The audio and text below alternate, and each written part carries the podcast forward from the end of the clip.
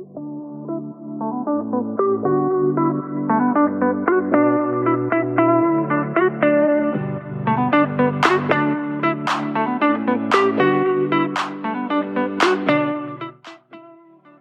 zijn natuurlijk allemaal aan het ondernemen en je bent aan het werk in je eigen branche.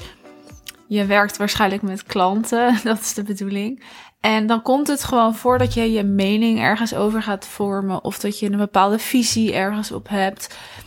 En die mening vormt zich en dat is begrijpelijk, maar een ander kan een hele andere mening of een hele andere visie vormen door nou, misschien haar ervaring, omdat haar ervaring anders is, omdat zij ergens anders in gelooft of anders naar een bepaald onderwerp kijkt. En dat kan ook zo zijn in precies dezelfde branche.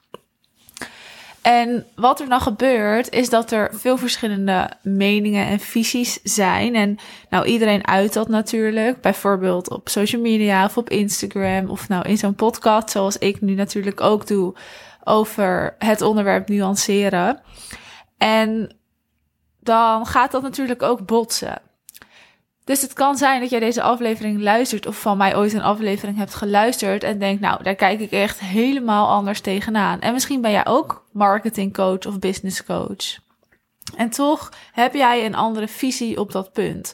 En dat is goed, want dat betekent dat wij niet hetzelfde zijn. En onze visie, dat maakt ons natuurlijk ook uniek. Hè? Waar jij in gelooft, daar geloof jij in. En dat maakt jou jou. En daardoor haken klanten bij jou aan en niet bij iemand anders in jouw branche, dus jouw concurrent. En als we allemaal dezelfde mening of visie hadden gehad, was het ook echt ontzettend saai geweest. Maar wat gebeurt er nu en wat zie ik ook steeds vaker gebeuren?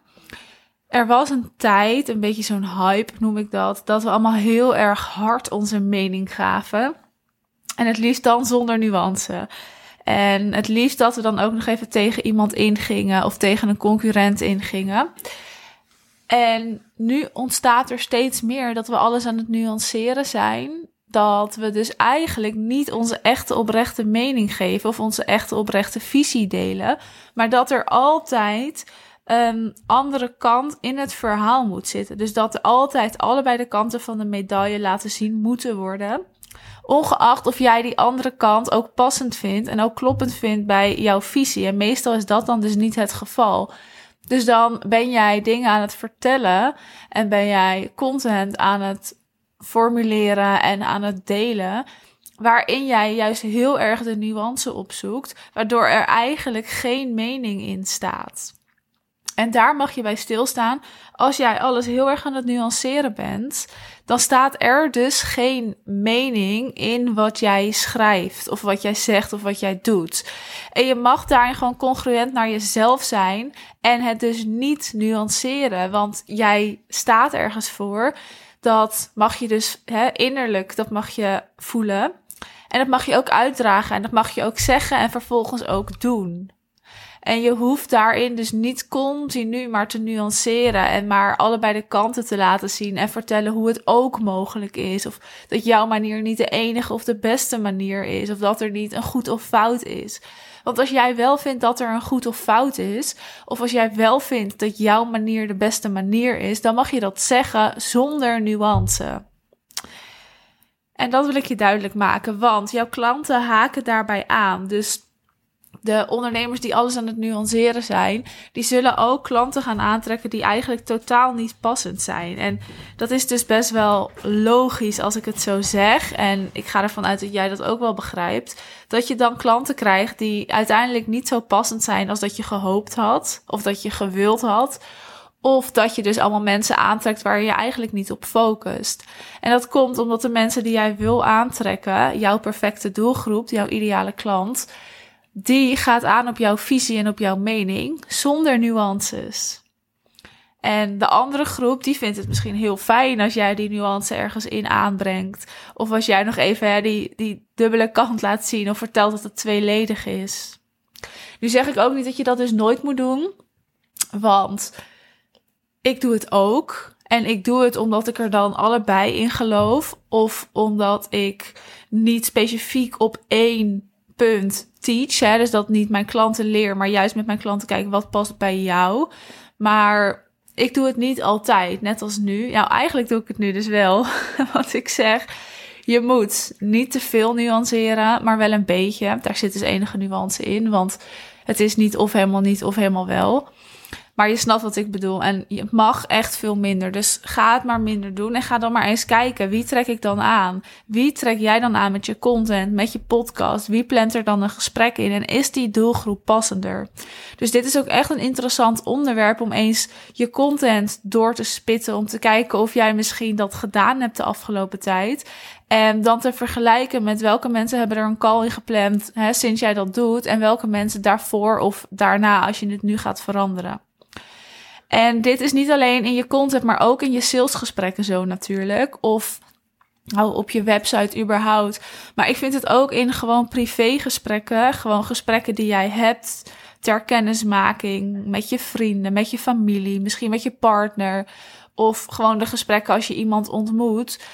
Daar hoeft ook niet altijd nuance in te zitten. En dat doen we ook. En we doen dat ook een beetje om nou niet om onszelf klein te houden, maar daardoor houden we onszelf klein. En we doen dat vaak, hè, de achterliggende gedachte daarachter.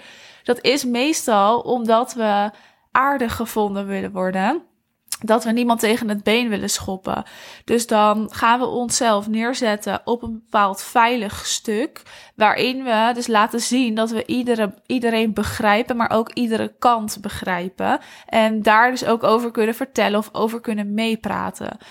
En als dat is wat er bij jou ook speelt, wat de kans is heel groot als jij dus heel veel nuanceert dat dat zo is. Dat je graag aardig gevonden wil worden. Of dat je het belangrijk vindt dat mensen begrijpen dat jij hen begrijpt. Of daar zit wat achter. En dat is die achterliggende gedachte daarachter. Misschien een soort overtuiging. Misschien een soort blokkade kan je het dus ook wel noemen. Want het houdt je wezenlijk wel klein. Omdat je dus en niet je echte mening gaat geven. En omdat je dus minder passende klanten gaat aantrekken, maar ook gewoon in je privéleven zul je dan mensen om je heen krijgen die het echt wel met je eens zijn, maar niet zo sterk als dat je eigenlijk wil. Of waar je misschien niet zo lekker mee kan vipen of kletsen of discussiëren zoals je dat wel graag had gezien. En daardoor is dit ook echt toepasbaar op je privéleven. Als jij dus in je privéleven ook continu aan het nuanceren bent, allebei de kanten wil laten zien, aardig gevonden wil worden, dan heeft dat ook direct invloed op met wie jij omgaat. Op hoe diep jouw banden gaan of hoe diep jouw banden zijn, hè, de diepgang daarin. En dat is best wel interessant om eens te analyseren voor jezelf. Ik zou zeggen, ga dat doen. Dit is ook een onderwerp wat natuurlijk te maken heeft met je sales en met je marketing. En ik kan in deze podcast helaas niet altijd alles helemaal tot in de puntjes vertellen. Uh, dat gaat niet. Als je dat wel wil en van mij wil horen en samen wil doen, dan zou ik zeggen, word klant. Maar er is natuurlijk een andere optie. 6 oktober is het event van kijkers naar kopers. En we gaan daar een fantastische dag van maken. Maar we gaan vooral bespreken hoe kom je aan kijkers die ook echt waardevol en interessant zijn. Geen massastrategieën, geen gekke trucjes.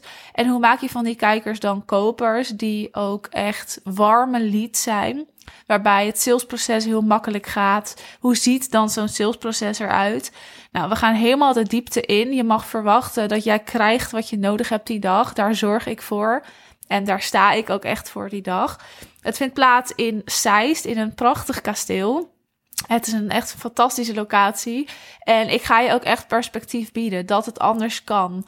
Dat er zo ontzettend veel mogelijkheden voor jou zijn. En dat het veel makkelijker en simpeler mag en kan dan dat jij nu denkt of voelt. Dus je bent van harte welkom. Ik zet de link om jouw ticket aan te schaffen in de beschrijving van deze aflevering. Dus klik daar even naar door en kijk even, lees even en voel of jij hierbij moet zijn. Dit is de laatste dit jaar. En het komt volgend jaar vast wel terug, maar dan wel in een iets andere vorm. Dus zorg dat je erbij bent op 6 oktober in Zeist, een prachtig kasteel. Er zijn goede parkeergelegenheden trouwens, het is goed bereikbaar dat is misschien praktisch gezien wel even goed uh, om met je te delen. Maar goed, ik zie je graag op 6 oktober. Ik heb er ontzettend veel zin in.